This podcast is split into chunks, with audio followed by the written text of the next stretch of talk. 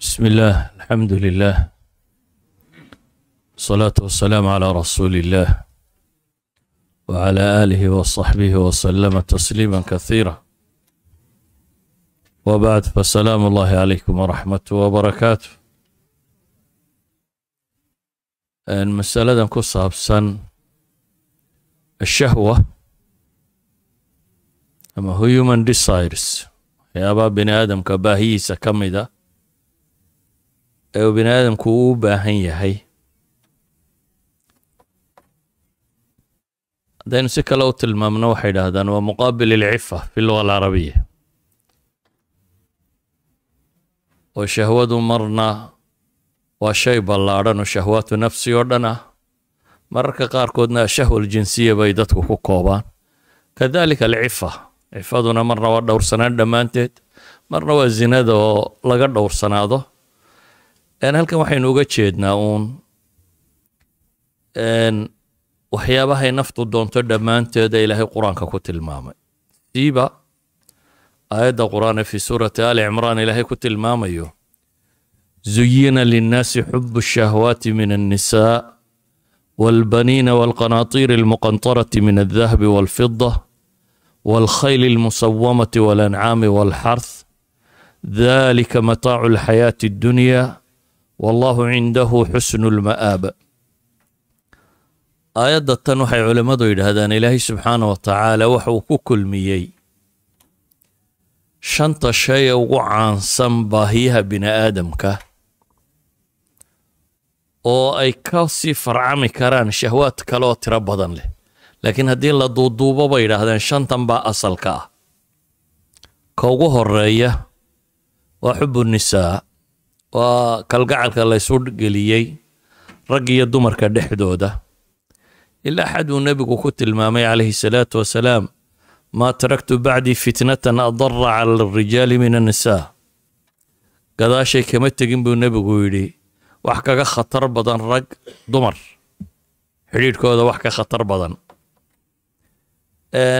Dhasha jacaylkeeda waa min alfitra abuurka ilaahay subxaana wa tacaala uu bini aadamka ku abuuray sidaa awgeed baa ilaahay wuxuu tilmaamaya in iyaduna mararka qaarkood xadkeeda dhaafi karto yaa ayuha aladiina aamanuu ina min aswaajikum wa awlaadikum caduwan lakum faxdaruuhum. Ka saddexaad ee aayaddu tilmaamayso waalqanaatiir almuqantarati min aldahabi waalfida alqanaatiir waa jamcu qintaar. Qintaarkana culamada qaarkood wasni ka mida waxa ayay ku tilmaamaan kun iyo laba boqoloo mithqaal kun iyo laba boqoloo waqiyadood qaarkoodna waxay dhahaan waa ajamci alkathiir almaali alkathiir xoolo tiro badan almuqantara ay almujamaca xoolaha tirada badan lee la ururiyey ee dahab iyo fida ah waa maal dhammaantii markaa oo waatuu nebigu ku tilmaamaya calayhi salaatu wasalaam jacaylka loo qabo xoolahaasi inaanu bini aadamku ku kaaftoomin inta uu u baahan yahaye inuu is-ag dhigdhigo inuu jecel yahay. Ilaa xaduu nebigu yidhi haddii bini aadamku uu haysto waadiyan min dahab dooxo dahaba xataa hadduu haysto wuxuu baadi dooni lahaa buu nebigu yidhi dooxo labaad oo dahaba jacaylka loo qabo xooluhuna waa waxa keena buu ka mid yahay mashaakilka ugu waaweyn ee dunida. Dunida maanta aynu ku noollay waxay dhahdaan aljashacu waalhalac inta maalka qabtaa sida ay u mamantahay baa ka mida bay leeyihiin broblemada ugu waaweyn ee dunida ka jira. Dadka xoolaha leh. Waana sabab dagaallo badan oo maanta dunida ka jira. U sababa oo dagaalada dunidu in badan waxay isu taagi waayeen. Dowladaha khaniga ah baa raba inay socdaan. Warshadaha hubka iyo raggan le iyo waxaan soo saara oo master dhaqaale uu yahay baan rabin dunidu inay nabadi ka dhacdo. Waa iska hadaltiro dunida salaam alcaalami baa laga doonayaa. Cidina salaam ma rabto. Waayo rag baan dantoodu ku jirin oo warshado iyo qalabo u samaystay ay dhaqaale ku helaan. Qodobka afraad ee meesha ku qorani waa ziina alkhayl almusawama fardaha ama tiro waxay ka qabaan musawama saa'ima ah oo kuwa la raaca ah ama musawama ay almusayana la qurxiyey ama musawama tii la suntay ee midabada kale jaadkaa lahayd. Saa doontaba u fasir. Ilaahay qur'aanka wuxuu ku tilmaamayaa walkhayla walbigaala walxamiira litarkabuuha waziina farduhu dee dunida waxay ka mid yihiin. Waxay dadka maalqabeennadii dhaqdaan oo ninku inuu hantileeyay tilmaamta ama qurux loo haysto waagii hore dee mala waaba la fuli jiraye iminka maanta markaan soo socday waxaan arkayay fardihii oo gaari lagu wado iyagaaba la raraa iminka oo quruxdeeda iyo orodkeeda iyo waxeeda iyadoo la ilaalinayo iyadaaba gawaadhi gaara loo sameeyo lagu raro. Ziinaduna dee maanta waa ogtiin fashionka iyo modelada iyo asyaadan iyo waxa kan iyo dadka sida maankoodii loo gadayba kab calaamad yaroo saxani ku taalo maro dhinac yar ka dilaacsan waxye dadku modelka dambe maxaa u dambeeyey? Xataa mobilkeenu sidana waa ka dambaynu raadinaynaa wax ku jirana la garan maayo cusub. Waa ziinadaas baa inta badan laga rabaa. Ka meesha ku qoranina waa shahwat albatn alancaamu walxarth wixii la cunayey. Ama xoolo ahaa geel iyo lo iyo adhiba wixii la cunayey xalash ahaa ama xarth beer iyo wixii ka soo baxaya. Walancaama khalaqahaa lakum fiiha dif'un wamanaafic waminha taakuluun walakum fiiha jamaalun xiina turiixuuna wa xiina tasraxuun waxay culammadu yidhaahdaan shantan shay ee suuraddani sheegtay bay yidhaahdaan waa usuuli shahwaat. Waa human desireka waxa ugu badan waxaase ka sii farcamaan shahwaad kale oo tiro badan oo meelo kale qur'aanku uu ku tilmaamayo. Su'aasha koowaad waxay tahay limaada awjadana allahu fiina? Ashahwa maxaa ilaahay inoogu abuurayba? Shahwaadka kan lowlaaha haddaan iyadu jirin dunidu ma socoteen. Waa linartaqi. Baadidoonka kuwan loogu jiro baa ayay noloshu ku salaysan tahay. Alinsaan biduuni shahwa laa yataxarak insaanku hadduu waxba uu u baahan waayo sida dhagaxa uu noqdo. Laa yataxarak nolosha dhaqdhaqaaq kama jirayo. Inuu noloshu dhaqdhaqaaqdo waxa kan ilaahay inugu abuuray baa ka mida si awgeed baa ilahay wuxuu ihi zuyina linnaas. Dadka waa loo qurxiyey. Yaa qurxiyey waxa xaqiiqa in ilaahay u qurxiyey. Ilaahay inuu u qurxiyey. Sida awgeed baa culammadu waxay tilmaamaan hadda casrigan dambe intii mrigan iyo waxa kan ay soo baxeen qaabkan magnetic formka ee maskaxda loo sawiri karo ee la sawiri karo hadba qofka bini aadamka maskaxdiisa qeybta functioninka ee markaa activeka ee jirta. Ilaa xad bay hadda qiyaasi karaan oo ay tilmaami karaan. Raniin maqnaatiisigaasi alwadiifiya ama mriga aad tidhaahdaan ninku markuu gabadha arko xaggee kacda meelaha maskaxdiisa qaybo ka mid a aada u shaqeeya. Xataa waxay tilmaamaan jirhkiisu ilaa toddoba hormoonoo kale noocu soo daaya muudadka jirhka uu soo daayo? Ayuu soo daayaa. Waxay tilmaamaan maskaxdiisa qaybo ka mida baa active noqda. Xataa waxay idhaahdaan cromsomiska bini aadamka cromsomka labaad baa ka warrama. Xidhiidhka ragga iyo labaatanaad. Ayaa tilmaamo bay leeyihiin xidhiidhka bini aadamka rag iyo dumarka u dhexeeya waxay hadda sawiraan meelaha xubbiga carruurta iyo jacaylkeedii uu ku jiro ayay ka warramaan. Annawaati almutaki'a fi luga alcarabiya waxay ku yidhaahdaan oo qayb maskaxda ka mid ah. Waxa ay tilmaamaan maalka iyo nashwadiisa iyo jacaylkiisa qaybaha maskaxda bini aadamka ah. Idan waxaan leenahay maskaxdeennan ina saaran ayaa waxa kani programmed ku yihiin inuu qofka bini aadamka ahi uu baahidan qabo oo uu jecel yahay. Ilaa xad hadda la leeyahy waa la sawiri karaa dhul badanoo ka mid ah maskaxdaasi waxaan leenahay haddaba bini aadamku siduu ula dhaqmaa. Dadku waa saddex qaybood bay idhaahdaan.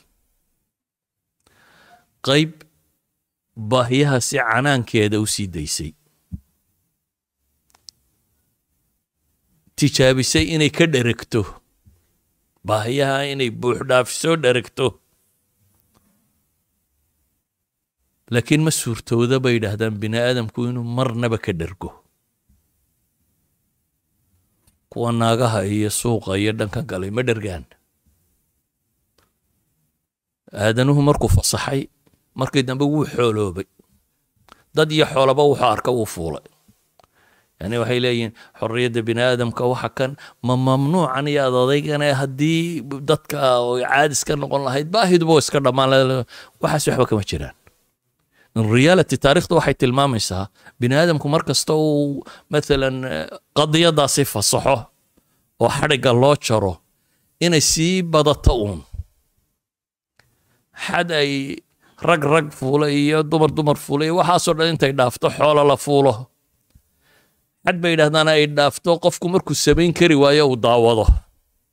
Markuu isagoo hawl gabo ay noqoto in aflaam iyo nooc kale oo uu isku dayo inuu jidhahaan hadduu samayn kari waayey at least inuu jirhkiisa inuu kicin karo oo aflaam ibaaxiya iyo kan xad bay gaadhay dacaaradu ay ka mid tahay dhowrka suuq ee dunida ugu lacag badan. Dadka waxaan ka shaqeeyaa tajaaraadka dunida ugu lacag badan leh xad bay keentay isticbaadaadkii dunida ka dhacee dadka la addoonsado ee ugu badani inay waxani sababaan. Caruur la addoonsado iyo dumar la addoonsado iyo dad la addoonsado liajli in ficladatan ay noqoto waxa la samaynayo. Idan ka dherig ma leh. Lidalik ayaa magaaziinkan maraykanka ee maxaa la yidhaha education week ka yidhaahdaan baa wuxuu qorayay maraykanka sagaal sannadood wakti ku dhadhow thousand. Wakhtigaa yar ayaa waxay leeyihiin meelihii xumaa lagu samayn jiray waxa kan iskaga kaaleeya iskuullada iyo meesha wax lagu barto. Laba boqol iyo sagaashan kun oo ilmood baa ictidaa jinsiya lagu sameeyey almadaaris alxukuumiya. Idan waxay tilmaamaysaa marka canaanka loo sii daayo bini aadamku nooca uu noqdo dee ilaahayna qur'aanka wuxuu inooga warramayaa qoomam noocan oo la halaagay. Markii ay canaanka u sii daayeen. Waluutan id qaala liqowmihi ataatuuna alfaaxishata maa sabaqakum biha min axadin min alcaalamiin? Waa dadkii ugu horreeya waxa kan canaanka u sii daaya. Taariikhtan cusub aynu hadda haynaana. Dadyagii ka dambeeyey. Bamba mayaa la odhan jiray meeshii talyaaniga ku taalla ee fulkaanada ilaahay ku halaagay ee hadda markay qodeen iyagoo faaxishadii samaynayo dhagaxoobaa la soo saaray. Magaalo dhan oo faaxisho samaynaysa oo dhagaxaysan oo ilaahay halaagay. Qooma fircoon qooma luudkii hore maaha kuwan ka warramayna waa kuwa ka dambeeyey. Ilaahay wuxuu ku tilmaamaya inakum lata'tuuna alrijaala shahwatan min duuni nisaa. Laakiin ilaahay muxuu yidhi bal antum qowmun musrifuun. Dad xadgudbay baa tiin baa la yidhi israaf ku sameeyey xadgudub ku sameeyey wixii baahida ahaa aayad kale waa ka ilaahay ku tilmaamaya bal antum qowmun tajhaluun. Waluutan id qaala liqowmi ata'tuuna alfaaxishata wa antum tubsiruun? Ma idinkoo maan qaba oo wax samaynaysaan baa la yidhi ainakum lata'tuuna alrijaala shahwatan min duuni nisaa. Bal antum qowmun tajhaluun baa ilaahay ku tilmaamay.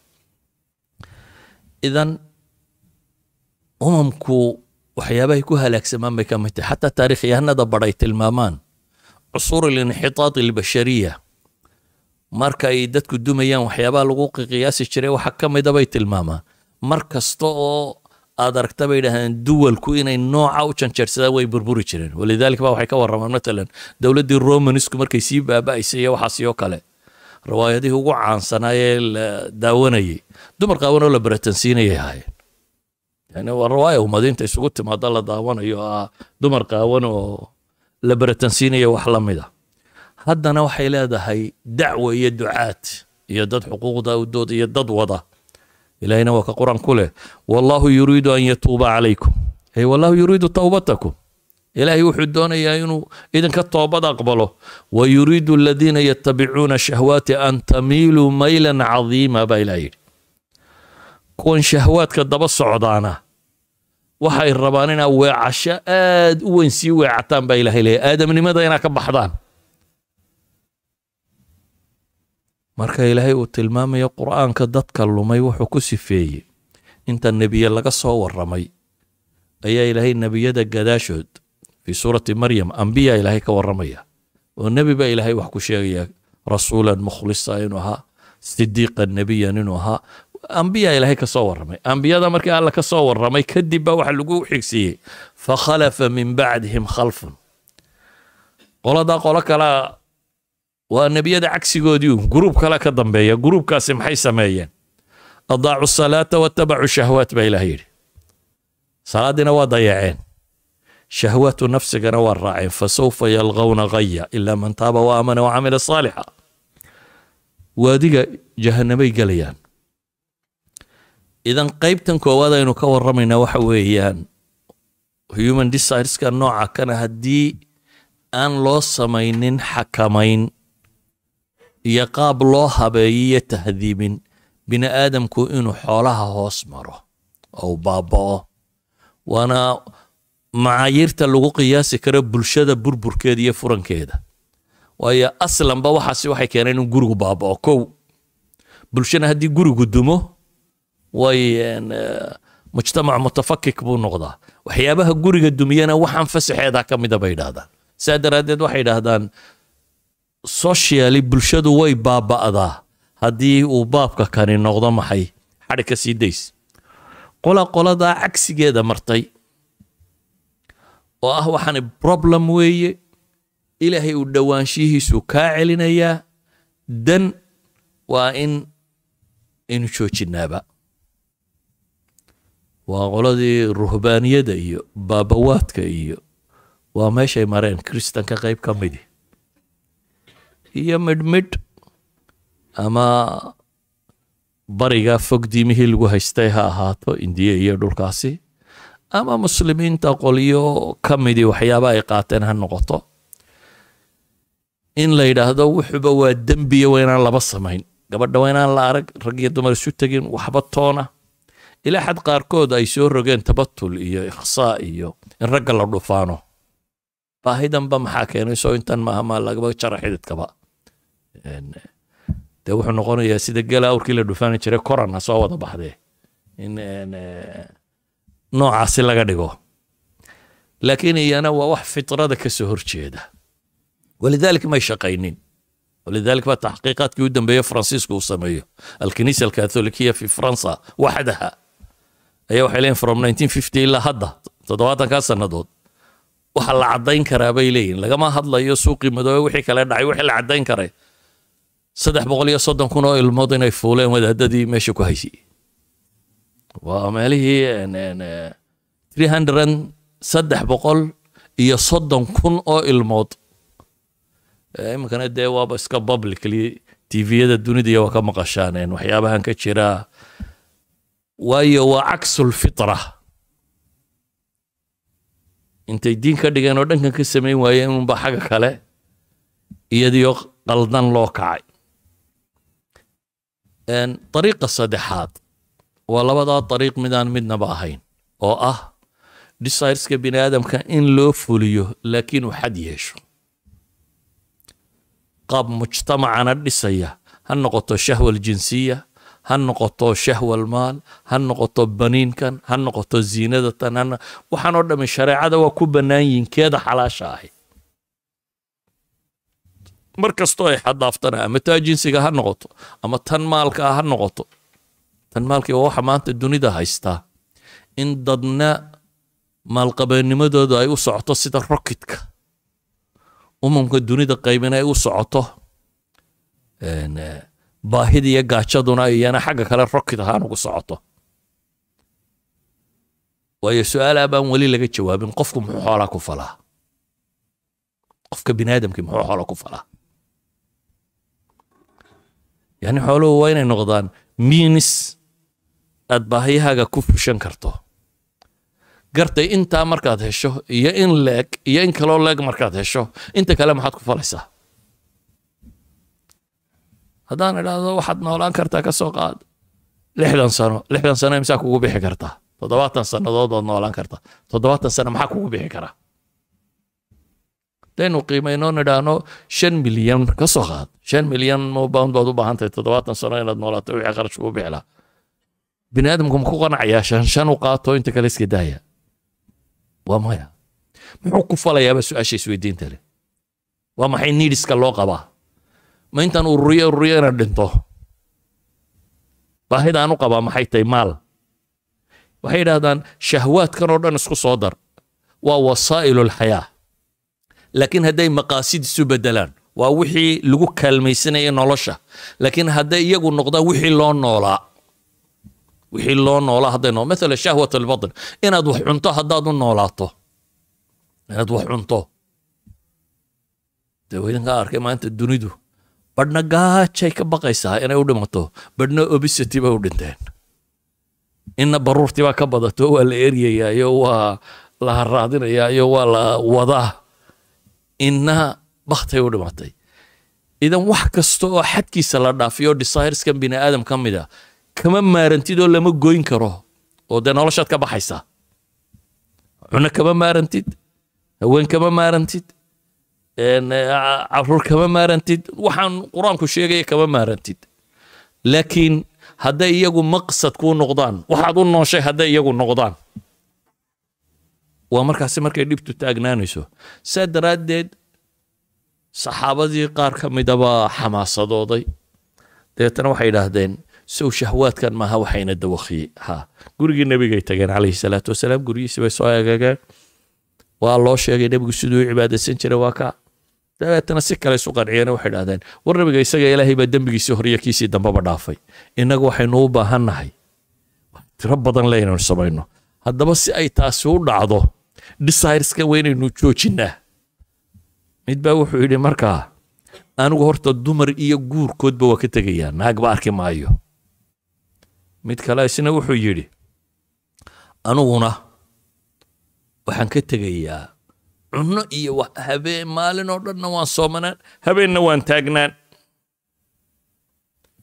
Waxyaabo noocaasi ah ayay sheeg sheegteen.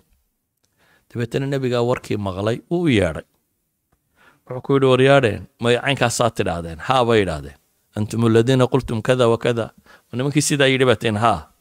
Nebigu wuxuu ihi wallaahi innii la akhshaakum lilaahi wa atqaakum lah anaa ilaahay idinkuna cabsi badan idinkuna taqwo badan riwaayadka qaarkoodna idinkuna aqoon badan waayo aqoontay waxaana ka dhalashaa inamaa yakhsha allaha min cibaadihi alculamaa anaa ilaahay idinku aqaana laakiin anigu waan soomaa oo waan afuraa buu nebigu yidhi oo waan tukadaa oo waan seexdaa oo dumarka waan guursadaa faman ragiba can sunnatii falaysa minii sunnadayda ninkii ka wacda aniga igama mid aha. Muxuu tilmaamayaa qoladan tidhi gamtaannu u joogsanaynaa kuwaas waddadoodu ma saxna.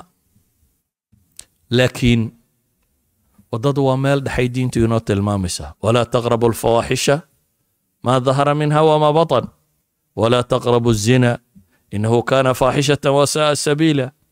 Qofku meel dhexe inuu yimaado ah nafta inuu kontrooli karo naftiisa inuu kontrooli karo oo ashahwa biduuni qaydna ma socoto hadday tahay taa rag iyo dumarka u dhaxaysa falaa takhdacna bilqowl fayatmaca aladii fii qalbihi marad buu ilaahay ku tilmaamay kii qalbiga uu bukaan kaga jiro waa bukaan bay xad gaadhaysaa idan waxaynu idhi waxa kan ilaahay baa inagu abuuray waa mid waa baahi aynu qabno waa laba sidee baynu u maamuli karnaaba markaa isweydiinta leh ama u cilaajin karnaa. Aayadda inta ugu dambaysa ilaahay wuxuu ku tilmaamay dhalika mataacu alxayaati addunya markii lixdan shayba ama shantan shayba la soo tilmaamay waxaa la yidhi dhalika mataacu alxayaati addunya kaasi waa bidhbidhka nololeed. Waa in yaroo lagu tamatuco nolosha adduun. Macnaa ku jira muxuu yihi halkan umaydan iman inaa weligiin joogtaan. Ee waxa u timaadeen ashyaada waa waxyaaba laydinku itixaamayo lilibtilaa waa laydinku itixaamaya laakiin halkani maaha meeshii aad joogayseen. Ee wallahu cindahu xusnu lma'aab ilaahay subxaana wa tacaala baa noqosho fiicani xaggiisay jirta. Kow qofku marka koowaad dishairskan waxaynu u xadayn karnaa inaynu aakhiro fahamno. Inaynu garanno halkan muddo yar inaad joogayso. Sida awgeed haddaad dhowr bilyan oo lacaga ururiso waad isdhibtay una you will die waad ka tegaysaa adunbaa ismashquuliyeye waad ka tegaysaa sida awgeed waa inaad ku tala gashaa? Waxaan maxaa aakhire kaa raacaya? Maxaad nolosha kaga qaban karaysaa? Maxaad bedeli karaysaa? Ururintu maaha maqsad. Inaad ururiso ururiso ururiso agtaada taallo. Yani qof baad arkaysaa subaxii ka lahay oo ilaa habeenkii shaqaynayey oo habeen iyo subaxba saa u wada oo inta xoolaa le ah oo inuu ururiyo unu nool inuu ururiyo unu nool. Waxaan u garanayn hantidu maxay qiimo leedahay markaa yani muxuu ku falayaa qofku? Walidaalika baa ilaahay aayadda aayadda ku xigta wuxuu leeyahay qul aunabi'ukum bikhayrin min dalikum liladiina taqaw cinda rabbihim. War ma idiin sheegaa baa ilaahay leeyahy subxaana wa tacaala wax tan idinka khayr badan kuwa ilaahay ka cabsada. Waa haddaad jannaad iyo beere iyo aswaaj mutahara iyo waxaan haddaad rabto meesha aan laga dhimanayn bay jirtaa baa ilaahay leeyahy subxaana wa tacaala. Janno ayay aakhiro jirtaa. Idanka koowaad ee waxaan lagu xadayn karaa waa inaynu qiimatu alxayaa garanaa xayaati dunyaa iyo xaqiiqadeeda waa inaynu fahamnaa. Ka labaad waa inaynu garannaa aakhiro saynu u guulaysan lahayn qofka bini aadamka waa inuu noqdaa goolkiisa kama dambaysta ahi ilaahay siduu u raalli gelin lahayo jannada intan leeg siduu u heli lahaa. Hadduu your gools dhammaantood ahdaaftaadoo dham ay ku soo koobmaan guri yaroo ballaadhan oo aad sariiru kaga seexan doonto gawaadhi tiro badan oo aad mid uu ka fuuli doonto iyo lacag tiro badanoo ku mashquuliso uun nimanka waxaysta soomaaliyeed ka mid ah ee subax u soo galo cadhaysan. Dabeetana nin raggii ku dhadhawaa baan ku ihi odaygan maalintaan imaadaba waa cadhaysan yahay maxaa ku dhacay? Wuxuu igu yidhi subax walba waxaa loo yimaadaa waxaa loo sheegaa. Kambani ballaadhan buu leeyahy kambanigiisa wixii ka lumay ee problems jira subaxii lagula soo kala haba subaxii markuu xafiiska imaado report baa la siiyaa ah meel heblaaya intaasaa luntay qoladii xaggaasi waxoogaagaas way la dhunteen kuwa waxaasa ka dhacday halkaa mushkilada. Looma sheega buu yidhi subaxii markuu soo galo saaka afar boqoloo kun baynu faa'iidnay cidi kuma tiraahda buu yidhi. Laakiin negativeska loo soo ururiya markaa subax walba uu cadhaysay. Maxaad ka faa'iiday markaa?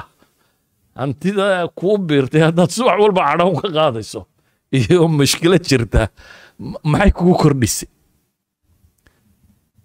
Ilaahay wuxuuna yidhi wa amaa man khaafa maqaama rabbihi wanaha annafsa can ilhawa faina aljannata hiya alma'wa qofka miqyaaskiisu waa inuu ka noqdaa ninka naftiisa ka reeba baa la yidhi can ilhawa yani dabdi nafs nafta waa inaad kantrooshaa waa inaad kantroosha macnaheedu waa maxay matala amhila basiita cunnada haddaad waddo ka waran joojin weydo oo markay calooshu dherigtaa tiraa abitaisaris baan u baahannay si aad intii jirtay in ka badan aad cunto biniaadamku awal in buu cuni jiray intaasaa ku fillayd waxay damceen in ka badan inay cunaan.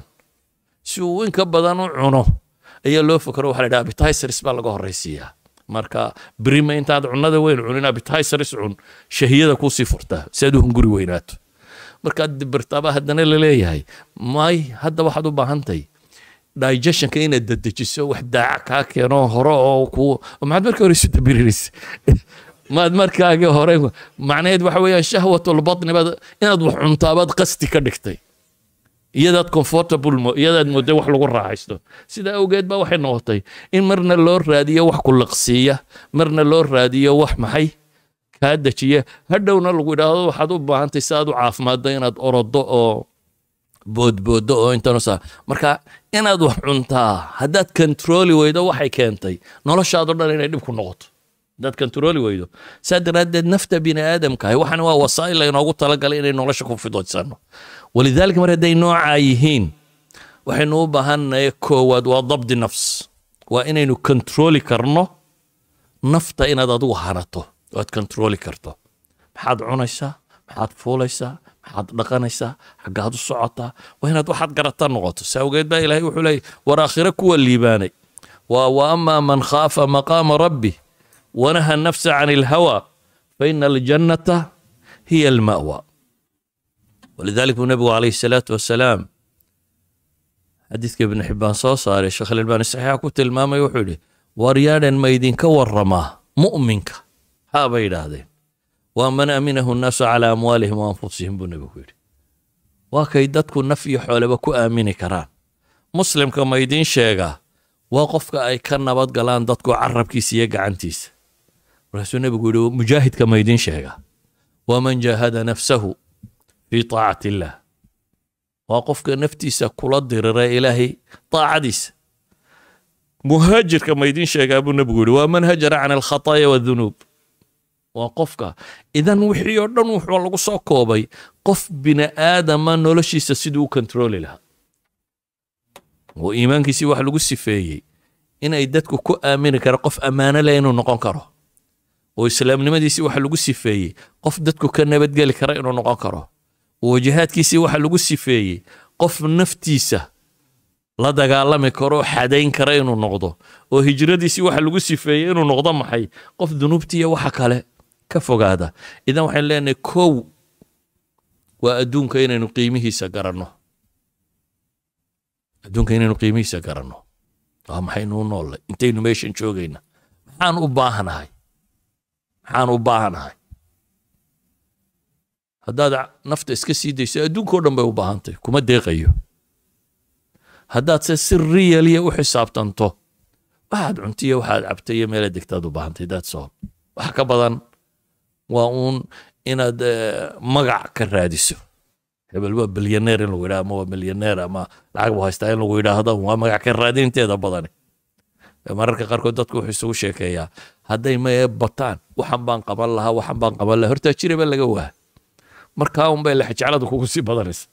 Imika waxaad wada leedihin may anu haddaan xoolo heli lahaa? Kan baan samayn lahaa kan baan samayn. Waxaas waa ammaanida dadka lagama fujiyo marka ay soo gasho. Waayo kama gedisnin inta haysata. Ee waa markaad faramarantay bay ammaanida tani. Ayaad leedahay malaa kan iyo kan iyo kan baad samayn lahayd. Laakiin markay ku gasho in yaruunoo ilaahay xoreeyo mooyaane wuxuumaad ku biiri doontaa kuwa kan ururinaya. Un inuu la yidhahdo hebel waa bilyaneer ama waa milyaneer ama waa taajir weynun. Yani magac ka raadiya. Dadku hadday yihiin dadaanay maadadu qiimo agtooda ku lahayna magacana maad hesheen. Dee mujtamac kugu xeeran baa wuxuu u badan yahay inuu waxa kan wax weyn u arkayo. Kaasi waa kow qaybtiisa labaad waxa weeyaan inteeda xalaasha in lagu tamatuco. Oo ilahi wuxuu ihi shahwatul farjigaasi oo kale waankixul ayaama minkum baa la yidhi. Wasaalixiina min cibaadikum wa imaa'ikum. Kuwiina aan guur haysanin u guuriya. Waxaa la yidhi kuwii waaye uun duruufaadku ay ku yara adkaadaana walyastacfif waa aayadda ku xigta. Walyastacfif aladiina laa yajiduuna nikaaxan xataa yugniyahum allahu min fadli arrinku arri weyn maaha. Ciddaanay markaa u suurtogelinna ha dhowrsanaata baa la yidhi. Suuqa ha gasha lama odhanin. Waxaa la yidhi ciddaanay markaa u suurtogelinna sidan saxda ah ha dhowrsanaato. Shayga labaad aynu tilmaamayna waxa weeyaan shahwaatu nafsi lagu kontaroolaa inaynu ilaahay baryadiisa badino. Oo nebiyullaahi yuusuf ilaahay qur'aanka wuxuu inoogu tilmaamay khatar la geliyey. Oo gabadh boqortooyada ka tirsan oo qurux badan oo kana iyo weliba dumarkii la waday iyo kooxahaas oo dham intay u heshiiyeen in xumo lagu rido in lagu talagalay. Laakiin wuxuu malaad ka dhigtay ilaahay baryadiisa. Oo intuu ilaahay baryey ayuu wuxuu leeya wailaa tasrif canii kaydahunna asbu ilayhina waa ku min aljaahiliin. Ilaahayna markaasuu leeyay fastajaaba lahu rabbu fasarafa canhu kaydahunna idan inaynu ilaahay baryadiisa badsanno. Oo ilaahay subxaanah wa tacaala saxa inuu inagu hayo oo xumaha dhammaantood inaga dhowro inaynu ku dadaallo.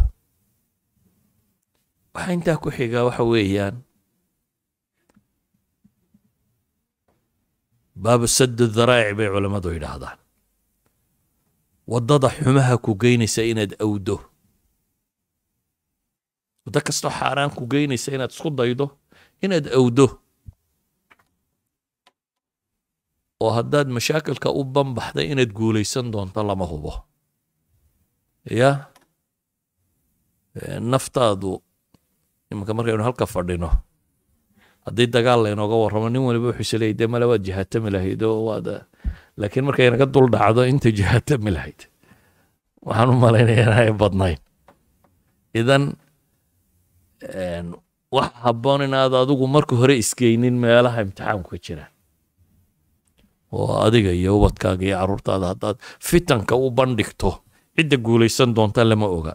Saa awgeed matalan shahwatulfarji markii laga warramay waxaa la yidhi ishiina laabta khalwada iska daaya tabaruj ha samaynina waxaasoo dhamme waa min baabi sadi daraa'ic si ilaahay subxaana wa tacaala muraaqabadiisu inagu weynaato yaclamu khaa'inata alacyuni wama tukfi suduur ilaahay waa og yahay ishu tayxadda baa la yidhi iyo laabtu waxay qarinaysa rabbi waa og yahay subxaana wa tacaala idan ilaahay weynidiisu inay nagu weynaato shahwaatu nafs waxyaabaa lagu xadeeya waxaa ka mid ah cibaadaadkaagu inay bataan oo naftu haddaad khayrka ku mashquulin weydo sharkay kugu mashquulinaysa naftu haddaad firaaqaagu hadduu bato dherigtaadu badato. Dee balaayadana inaad u bambaxdo waa suurtagal. Haddiise nafta aad khayrka ku mashquuliso wakhti uma helayso waxa kan. Saa daraaddeed baa ilaahay wuxuu leeyahy waaqim asalaata ina asalaata tanha can alfaxshaa'i walmunkar salaada ooga baa ilaahay leeyahy salaaddu waxay idinka celinaysaa alfaxshaa walmunkar xumaha iyo zinada iyo quranka o dhan bay idinka celinaysaa. Idan qofku kullama uu cibaadada badsado waa albaab lagu awdo shahwaati nafsigu noocay doonaanba ha noqdaane. Waxaa ka mid oo ilaahay qur'aanka ku tilmaamay wastaciinuu bisabri wasalaa kaalmaysta baa ilaahay yidhi sabirka kow. Sabirku waa dee aayat alimaama markaynu ka warramaynay bacd alcasarkii waxaynu soo tilmaamanay imaamada imaaminimada sare islaamka iyo qumanaanta iyo hogaaminta diimeed waxaa lagu gaadho inay ka mid tahay maxay? Lamaa sabaruu wa kaanuu biaayaatina yuuqinuun. Waa yaqiin iyo caqiide qalbiga degta iyo sabir aad kaalmaysata bay idhaahdaan. Waayo sabarku bikulli anwaacihi oo ah cibaadada inaad ku sabirto shahwaatu nafsiga inaad ka sabirto maqaadiirta iyo ibtilaa'aadka inaad ku sabirto. Bikulli anwaacihi markaad isku darto ah camalkaagu inuu noqdo siduu camal saalixa u noqon lahaa. Sabir baa keensada. Si awgeed baa ilaahay wuxuuna yidhi wastaciinuu bialsabri waasalaa wa inaha lakabiiratun ilaa cala alkhaashiciin sabir iyo salaad inaynu kaalmaysanno qur'aanka ilaahay wuxuu inoo tilmaamayaa aakhiro mu'miniinta liibaantay kuwayti qad aflaxa almu'minuun. Dabeetana ilaahay wuxuu ku sifeeyey aladiina hum fii salaatihim khashicuun waladiina hum can illagwi mucriduun waladiina hum lizakaati faacilun waladiina hum lifuruujihim xaafidun yacni waxaynu ka soo warramaynoo dhan baa ilaahay ku soo ururiyey. Waxaa la yidhi waa kuwa mu'minka liibaanay waa kuwan salaadoodu macnahay u samaynaysa khushuucaya ilaahay subxaana watacaala ku xidhan. Mu'minka guulaystay baa la yidhi waa kuwa kan meelaha laqwiga iyo hadaltirada waxaa iskaga tegey waayo haddaad ka qayb gasho inaad dhowrsanaan bay u badantay. Haddaad meelaha fadhiisato fadhi kudirarka haddaad tagto aakhirka adigoo adna dacalka ka wad umaad sarki doontaa. Kolay reerkiina meesha ku yara maagano aad siraada ka dhicina. Waad uneen aakhirka dhinacumaad ka gelaysaa laakiin haddaad iska dayso meesha laqwiga iyo waxaan ficnayn lagu hayo waad dhowrsanaanaysaa zakaadka kan. Zakaa waxa loo yidhi bay leeyihiin ba namaga waxa ka sii muhiimsan tahaarada bay leeyihiin waa qofku naftiisiibuu bukhligii iyo wixii kaga dahiraya oo inuu qofku dhiibista barta iyo waxbixinta iyo farjigiisa inuu ilaashado. Waxaasoo dhamme waxa ay tilmaamayaan shahwaatu nafsigii dhowrkee qur'aanku uu soo tilmaamay sidii maxay uu qofku uga xoroobi lahaa. Idan ayuha alaxiba warka koobane wuxuu yihi desireskani waynu abuuran yihiin waana taa maanta biologicale la tilmaamayo in la tilmaami karo. Marka nashwada noocaasi ku qabato maskaxdaada qaybta activeka hee shaqaynaysa. Gabadh markaad aragto qaybta shaqaynaysa xoola markaad hesho qaybta shaqaynaysa caruurtaa yaryar iyo jacaylkoodu markuu ka galo qaybta kuu shaqaynaysa quruxda iyo isdhiska iyo waxaa markaad samaysa iyo ziinada iyo fardaha iyo waxaa qaybta ku shaqaynaya yacni waxa la tilmaamay hormoonadii jirkaaguna inay maskaxda awaamirtaa bixinayso ay soo daynayso. Maskaxduna inay shaqaynayso means waa wax kugu abuuran. Waa mawducu limtixaan baynu leenahay markaa imtixaan ilcamali imtixaankii caqadiga marka laga yimaado aladiina aamanuu wacamiluu saalixaat waa meesha laga rabo camalka saalix inuu ka rakibmo. Sidaa daraaddeed waxaynu leenahay desireskani waxay u baahan yihiin in la xadeeyo. Oo aad aada u fakerto xadayntaasina kow sharcigu wixii una faray inaynu yeelno ama ka hortag ha ahaadaan oo ah taxsiin koowaad waxyaabaha precautionska aad sii samaynaysa marka horeba waxaa kaa fogeynaya. Ama ha noqoto cibaadaadka aad badsanayso ama ha noqoto naftaada inaad traingarayso ka adkaatid oo hawadeeda aad kontarooli kartid. Ama ha noqoto xaqiiqada adduunkanaynu joogno aad si fiican u fahamtid. Wakhti yar baad noolaan doontaa maxaad qabaa wakhtigaa yar? Wakhti yar.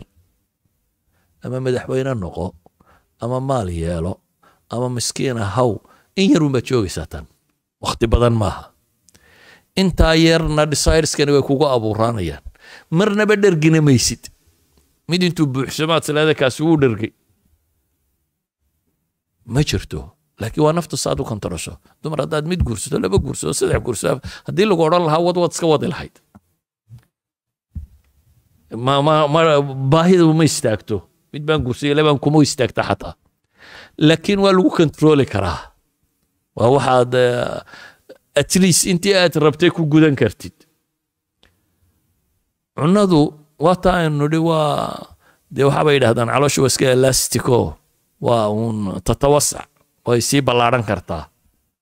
Adiga arkay dad la leeyahay gurigaa lagu jabiyo waxaa lagu soo saaray bini aadam oo lagu wado loo dalbado bahalladan wax qaada. Waa qof bini aadama ya haw waxaa loo dalbaday maxaa la yidhaha cream. Cream dhan oo kuwan gawadhida qaada ah inuu qofkan qaado waana cuno waxa sidaa u galay wax kale maaha gacanta iyo bahalka afkaasi isugu waday ayuunbuu sida tan noqday. Wax xanuun kale ku dhacayna ma jiro. Waa uun si wuxuu cunayu sawakaaday waa kaa bini aadamku intuu xada dhaafay marna ordaya marna ku guraya caloosha. Idan soo duuduub waxaan oo dhami waxayn leenahay waxaynu u baahannahay inaynu dib u eegno.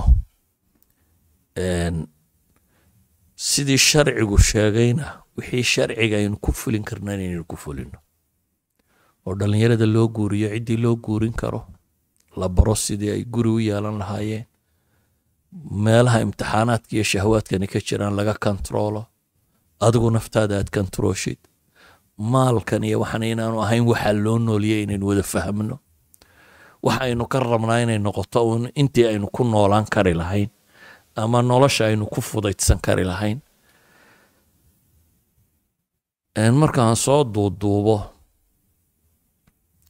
saan hore u soo tilmaamay qur'aanku. Ayi mushkila ina haysato dawooyi? Ama mushkilo nafsaaniya ha noqoto? Ama mid bulsheed ha noqoto? Ama mid caqiideed ha noqoto? Wanunazilu min alqur'aani maa huwa shifaa. Noloshu waxay u baahnayd oo dhan qur'aankaas baa ayaa daweynaya laakiin waxaynu u baahannahay qur'aanka inaynu si fiican u fahmno oo mashaakilka maanta dunida ka jiro oo dhan inahan kama badna inaha kan kama badna inana waxaynu nimi meel intanba laysku itixaamo muqriyaadkeeda yaalliin hadday tahay shahwatuljins derbigaad ka soo wareegtaba waxaa kuugu yeedhaya iyo bahalkan yaraad jeebka ku sidatay iyo waxoo dhami. Waa wax nafta bini aadamkaa kicinayay u badan yihiin waxaa ishaadu aragtaa saasay u badan yihiin. Hadday noqoto shahwatulmaal dadkan iyo classeska u samaysayn iyo dabaqaadkan iyo waxaan oo dhami. Dee dadku wuxuu struggle ugu jiraa siduu dabaqadan uu ku jiro uga bixi lahaa ee dabaqada ka gurya ballaadhan. Waxaa laga yaaba gurya yar inaad ku jirto strugglkaa koowaad waa guri ka weyn si aad u degi lahayd. Hadhowna waa guryaha noocaasa si aad u degi lahayd. Gaadhaada wata hadhowna waa helicopter saad wadan lahayd. Adigoo bahanna waad dhimanaysaa uun. Haddii aan dhergin ayuunbaanad ka tegi doontaa idan waxaan leenahay war waxa kan lagama dherge eh.